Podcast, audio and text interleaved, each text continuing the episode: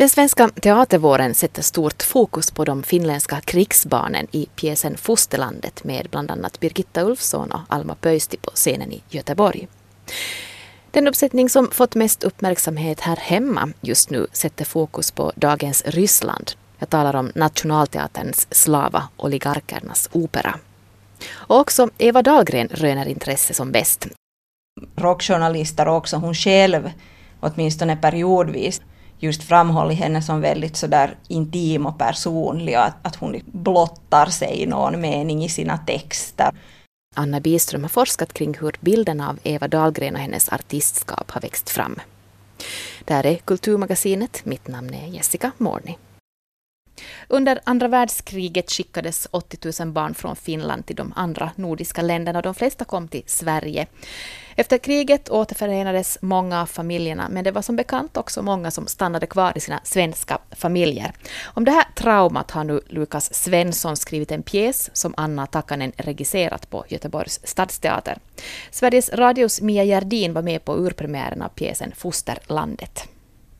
Birgitta Ulfsson är strålande i rollen som Elsa. Hon som ligger på långvård i Helsingfors och precis ska fylla 90. Hon är lika gammal som den finska nationen och hon vet att hon snart ska dö. Men eh, först ska hon ha en sig. I hennes närhet finns sonen Ante som funnits där hela tiden, men den hon talar om är sonen Johani, han som skickades bort under kriget, fick en svensk mamma och som aldrig kom tillbaka annat än på några korta besök. Två bröder, den ene känner sig bortvald, den andra negligerad.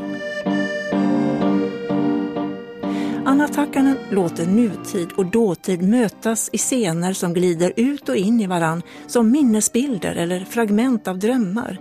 Här finns en poetisk ton som understryks dels av musikerna Matti Ollikainen och Elina Ryd, dels av den sparsamma scenografin med sina stora ytor som bildar fond åt både krig, ett regnigt Göteborg eller en finsk midsommarnatt. Men här finns också kärv humor, Sentimentaliteten lyser med sin frånvaro. Föreställningen är ett samarbete med Svenska Teatern i Helsingfors. Ett samarbete som har inspirerat till stordåd och som dessutom skänker uppsättningen ytterligare autenticitet. Vissa repliker sägs på finska, då visas översättningen i fonden. Att få en så här lång och böljande historia som med två pauser tar fyra och en halv timme kräver sin ensembles totala närvaro och den är på topp, jag lovar. Här finns oförglömliga insatser och ögonblick.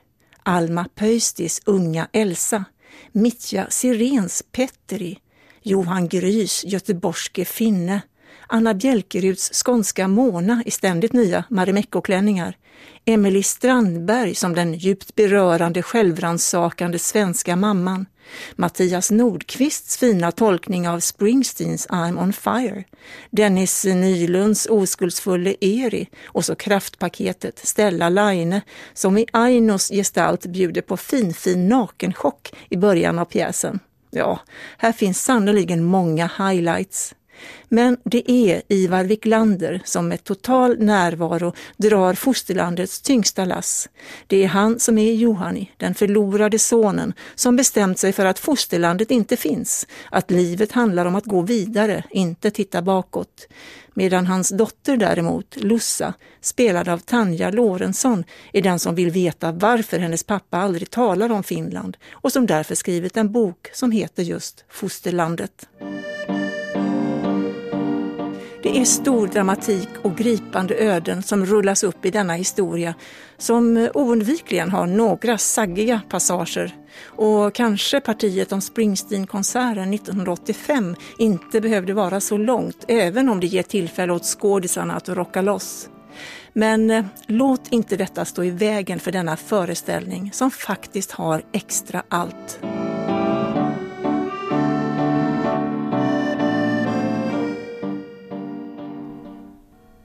Föreställningen Fosterlandet kommer också hit och har då premiär på Svenska Teatern i Helsingfors den 9 april. Om Fosterlandet är vårens svenska storsatsning så är väl Nationalteaterns Slava våren mest uppmärksammade finska uppsättning. Kristel Pettersson, du har haft en premiärspäckad vecka bakom dig. minst sagt. Ja. en vecka som också rymmer två nya barnteaterföreställningar på svenska. Men om vi nu börjar på Nationalteatern där Pirko Saisios och Jussi Tornas musikteaterföreställning Slava har haft premiär i regi av Laura Jänti. Och i den riktas blickarna österut. Ja, det ryska slava betyder ungefär ära på svenska och underrubriken är oligarkernas opera. Och dimensioneringen är lika stor som temat. Det är ett gigantiskt spektakel där makten och diktaturen gestaltas som en grotesk vansinnescirkus. In i den här berättelsen lotsas vi via bröderna Pobeda och Obeda två representanter för oss vanligt folk. Konduktören Popeda får under en av sina tågfärder vittring på en tillvaro som ligger ljusår från hans egen grå vardag. Medan hans tvillingbror är en man som har landat i fångläger för att han demonstrerat mot kapitalismens framfart. Hans ideal är de gamla socialistiska soppa på var mans tallrik och basbehoven tryggade. Suuret saavutukset syntyvät pelosta. Eivät tavalliset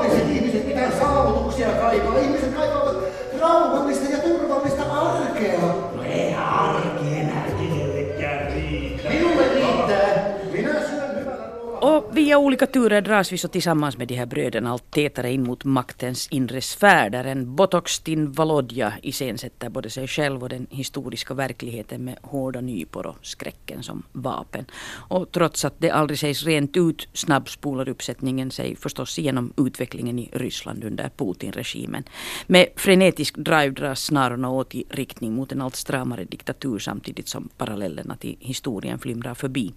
Så medan scenens Valodja delar ut goda råd och konsten att hålla sig kvar vid makten åt en ung Kim Jong-Un och demonstrerar sin splittra och härskartaktik för Julia T. Tänk Timosjenko.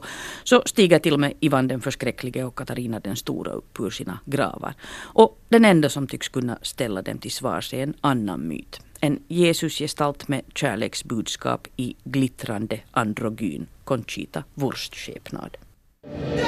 Tervetuloa! Kristus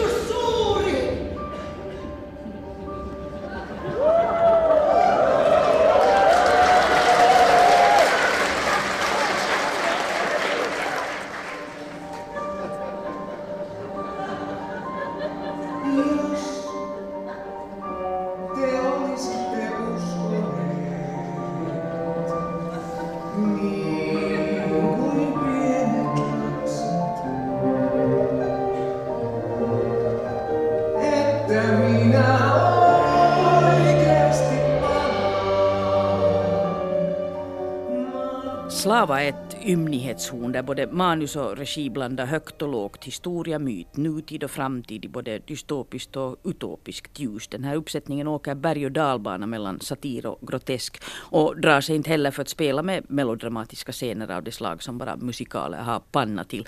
Och Visst rymmer det här vanvördigt karnevalistiska greppet ett slags katarsiseffekt. Ett förlösande skratt i ett politiskt klimat som i övrigt bara väcker oro och förfäran. Men samtidigt måste jag nog tillstå att jag blev rätt irriterad över den här uppsättningen. För att den genomgående nöjer sig med att omsätta en grotesk till en annan. Slava är tydlig men den går aldrig på djupet riktigt i de frågeställningar den ändå låter ana tycker jag där under all frenesi. Mm. Skulle du säga att den talar mera till känslorna då än till intellektet? No, det gör den absolut, men det hänger förstås också ihop med att realiteterna för länge sedan har kört förbi fiktionen och fortsätter att göra det med accelererande hastighet. Men just därför så skulle det kanske vara viktigare än någonsin att också stanna upp en stund för att reflektera över de begrepp man bollar med. Ett av nyckelbegreppen i slava är de konstruerade och falska identiteterna, både de enväldiga härskarnas och nationernas. Och den här uppsättningen visar med all önskvärd tydlighet hur de byggs upp, men det vet vi ju egentligen redan. Nästa steg ska vara att gå bakom dem, undersöka behovet av illusioner både hos härskarna och folket. Den här uppsättningens samlade envåldshärskare ter sig till exempel alla ganska rationella i sin maktutövning. Men det verkligt skrämmande med megalomanin är ju att den också rymmer någonting irrationellt. Liksom hela begreppet slava, ära och de känslor som, som det bottnar i. Som iscensättning däremot löper den här uppsättningen på räls även om jag gärna hade sluppit en del av de mest anonyma dussinnumren i musikväg. Men ensemblen är stark alltigenom och visuellt är Slava ofta anslående. Men jag måste nog tillstå att det sen kändes som ett renande bad både för sinnen och tanke att kvällen därefter bänka sig på en av stans minsta teatrar och försjunka i Kafkas sätt att hantera det absurda. det är tur att du har det här jobbet. Vet du. Det, det ger omväxling. Det ger omväxling och det är ganska bra takt där. Ja, det var alltså Teater Jurka då som ger Kafkas processen i dramaturgi och regi av Tuomo Rämö. Nå, hur är den då?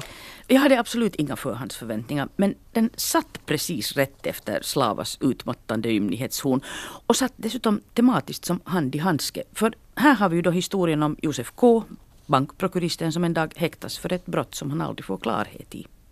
Josef K! Kyllä. On se Josef K! Kuka siellä on? Älkää te siitä välittäkö. Te ette valitettavasti voi poistua. Miksi ei voi? Teidät on pidätetty. Mitä? Josef K försätts på fri fot men han kallas ideligen till förhör och åren innan han slutligen avrättas en oändlig och absurd vandring genom den anonyma maktens märkliga domstolar och outgrundliga rättssystem. Skådespelarna här är bara två. Markus Järvenpää som Josef K och Samuli Punkka i alla andra roller. Och det funkar alldeles utmärkt. Jurkas rumsteater är ju redan i sig klaustrofobiskt liten och i det här rummet gör Järvenpää och Punkka en uppdaterad iscensättning där Kafkas absurda maktapparat möter dagens avpersonifierade och automatiserade datasamhälle. Och till uppdateringen hör också ett tonfall som ibland tillåter lite andra nyanser än Kafkas text. Här finns också utrymme för absurd lekfullhet. Eh, Josef Ks ålderstigna rosslande advokat till exempel gestaltas av en glasburk med ett innehåll som ser ut lite som skrumpna järnbitar i formalin. Det är också en väldigt fysisk föreställning där både Järvenpää och Punka bokstavligt talat klättrar längs väggarna. Så med undantag för ett par små utvikningar så förlorar den här uppsättningen aldrig kursen. Trots att vi i publiken ofta har rätt roligt. Speciellt åt Punkas figurer som lyckas dyka upp där man minst av allt anar det trots att rummet är så litet att det inte borde vara möjligt. Och intressant är också Järvenpääs Josef K. Han är en mycket modern, till och med lite nonchalant gestalt. Och när han i något skede utbrister Vad har jag gjort för fel? Var det fel av mig att bara vilja ha det som alla andra har och lite mer? Öppnar den här repliken helt nya associationer till det okända brott som han anklagas för. Minä en ymmärrä. Oliko minun rikokseni ahneus?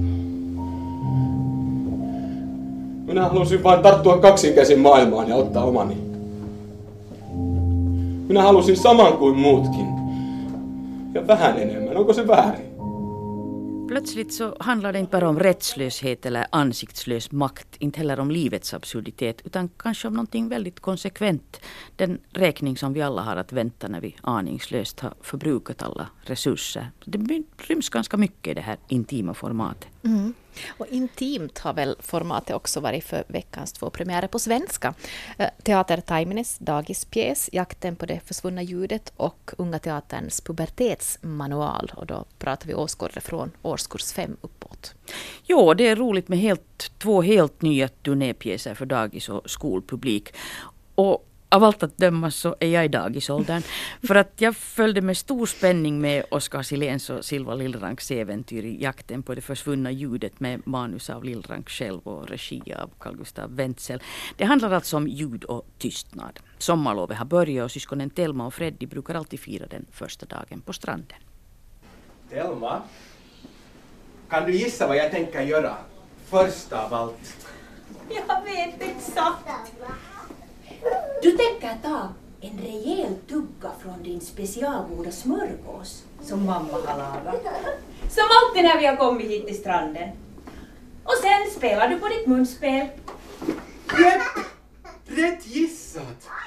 Men den här gången händer någonting märkligt. En storm drar över stranden och när den har bedarrat så låter ingenting längre som förut. Dubbelmackan som Freddy har i matsäcken ger ifrån sig grodleten och munspelet det låter så här.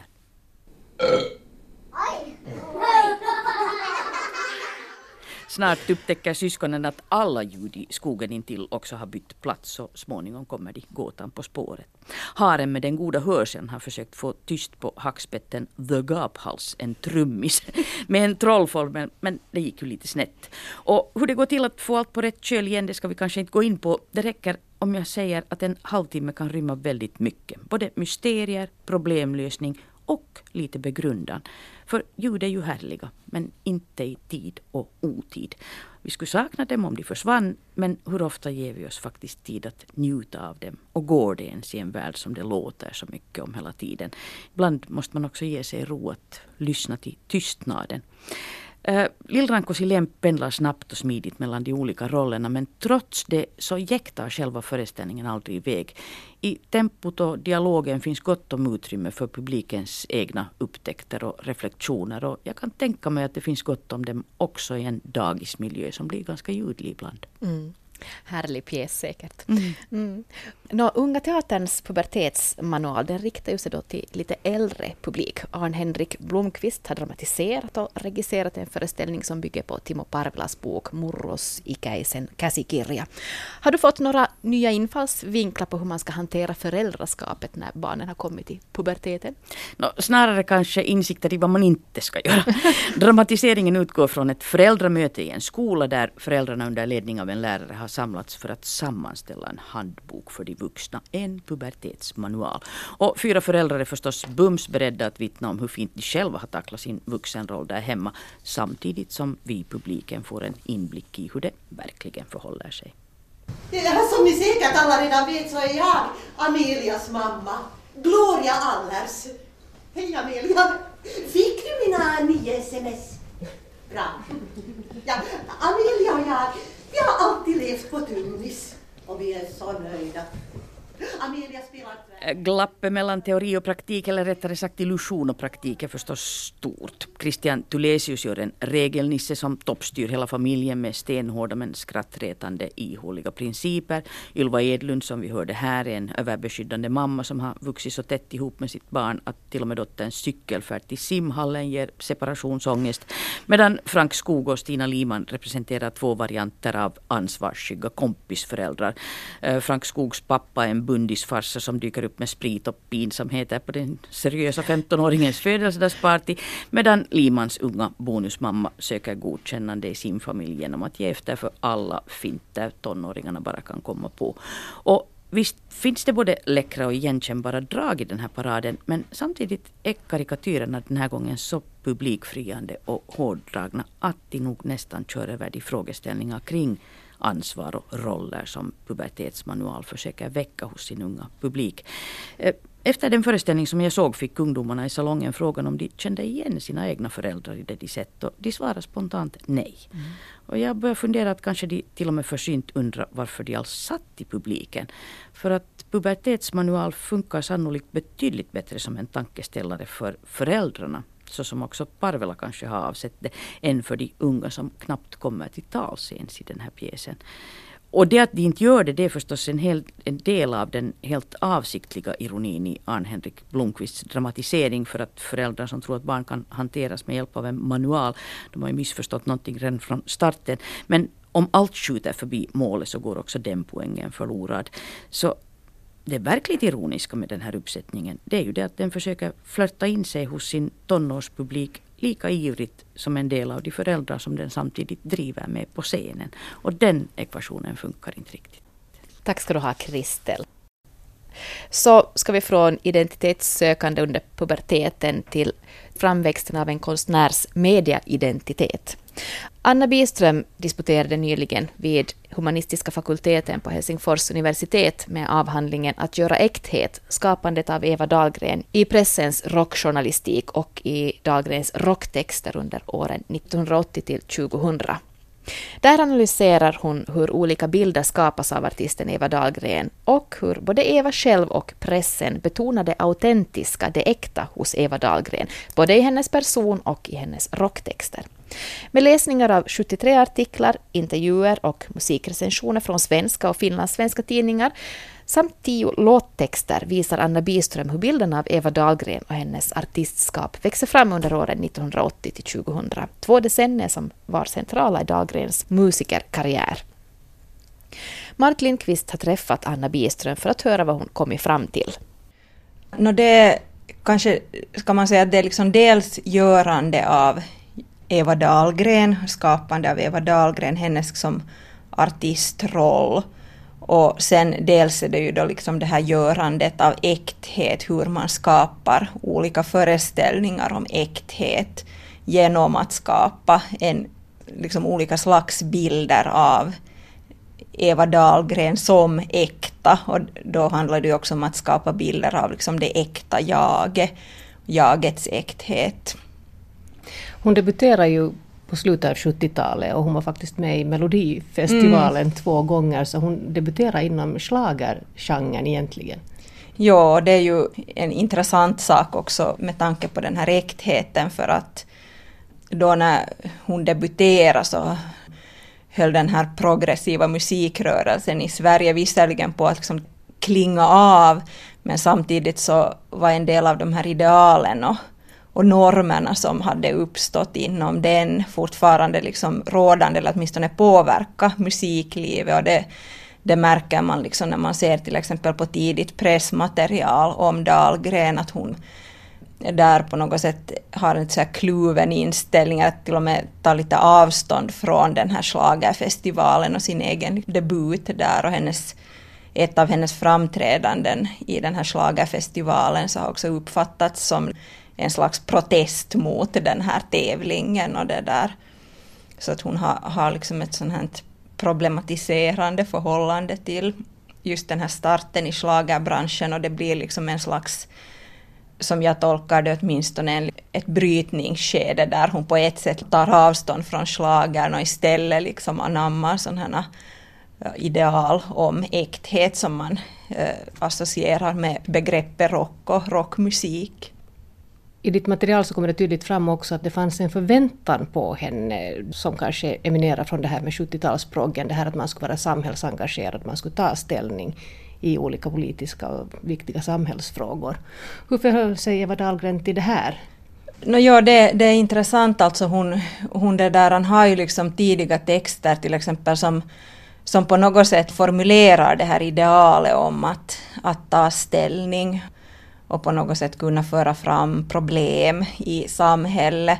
Men samtidigt är hon kanske inte så väldigt konkret så där och hon blir ju liksom aldrig någon direkt politisk artist som kan föra fram några väldigt starka politiska ståndpunkter. Så att det finns väl kanske en viss sån här liksom kluvenhet just att det, det, det här i den tiden är det liksom det som förväntas för att man ska uppfattas som autentisk eller äkta. Men sen så småningom så blir det då tillåtet att göra äkthet på andra sätt också än genom att ta politisk ställning. Och, men att hon har ju också sen så här punktvis i karriären förekommer sådana politiska ställningstagande, till exempel är hon med i ett sådant svensk rock mot apartheid-projekt kring år 1986-87 är det väl, som liksom sen, då uppfattas hon liksom som mera politisk under den perioden. Och det, det sätts nog då också fortfarande liksom i relation till äkthet, även om det inte är lika starkt som då under den här progg-eran. Mm. Hon hör ju kanske till de artister som har värnat om sitt privatliv ganska långt. Att hon har hållit isär det privata och det offentliga jaget. Mm, det kan man säga ju att, att hon har gjort. Samtidigt finns det en viss sån här dubbelhet i hur hon framställer sig själv i, i pressen. På det sättet att hon på ett sätt värnar om det privata och säger att hon inte liksom visar allt och att den riktiga privata Eva blir liksom inte synlig för den stora publiken. Men samtidigt så har rockjournalister också hon själv, åtminstone periodvis, just framhållit henne som väldigt sådär intim och personlig och att, att hon blottar sig i någon mening i sina texter. Och att det inte finns en gräns mellan den privata Eva och Eva på scenen utan att det är liksom samma person. Så det blir på sätt och vis lite motstridigt men samtidigt är det liksom två olika sätt att på något sätt skapa äkthet och skapa liksom en sån här bild av, av det äkta jag och den äkta Eva. Vad har du dragit för slutsatser efter att du har gått igenom det här materialet? Kanske den allra viktigaste slutsatsen i, i det här mitt arbete är att den här liksom autenticiteten eller äktheten är ett sånt här bestående och kontinuerligt ideal i eh, Dahlgrens artistskap. Och jag tror att det egentligen är det liksom rockbranschen som, som helhet, att de återspeglar det och att, att Dahlgren ständigt kommer tillbaka till det här äkthetsidealet och den här liksom föreställningen om det äkta jaget och den sanna konsten. Men att den här äktheten kan skapas på olika sätt och till och med helt motstridiga sätt ibland. Att det finns så många olika versioner av äkthet och också av den äkta Eva Dahlgren, till exempel beroende då på tidsandan eller någonting annat som påverkar mellan olika album till exempel. En annan viktig slutsats är väl det här att Dahlgren speglar just de här rådande idealen som finns inom rockbranschen och rockkulturen och att hennes äkthetsskapande inte på det sättet är unikt utan att det motsvarar ideal som finns i, i branschen eller kulturen som helhet. Och sen just det här med att hon som kvinna har lyckats skapa en sån här äkta image och bild av en sann och en självständig och unik konstnär och till och med liksom tar på sig en sån här geniroll ibland och det tycker jag är en, en prestation faktiskt för en kvinnlig artist. Är det någon av de här tio texterna som du känner alldeles speciellt för? Ja, det många av dem som är, är bra. Det är svårt att, att välja ut en. No, det blir kanske inte ett så väldigt originellt val men just Ängeln i rummet är ju nog en sån låt som jag fortfarande tycker att är jättefin. Den speglar ju just den här intima och personliga den här personliga känslan i Dahlgrens konstnärskap och hon kanske inte genom liksom att hon egentligen skulle säga någonting som skulle vara så väldigt personligt eller hon skulle, att hon på något sätt skulle avslöja någonting om sig själv. Att där har det ju mer liksom att göra med hur den här låten framförs. Att det liksom finns sådana hörbara suckar och djupa andetag och det skapar en sån här känsla av en väldigt intim situation.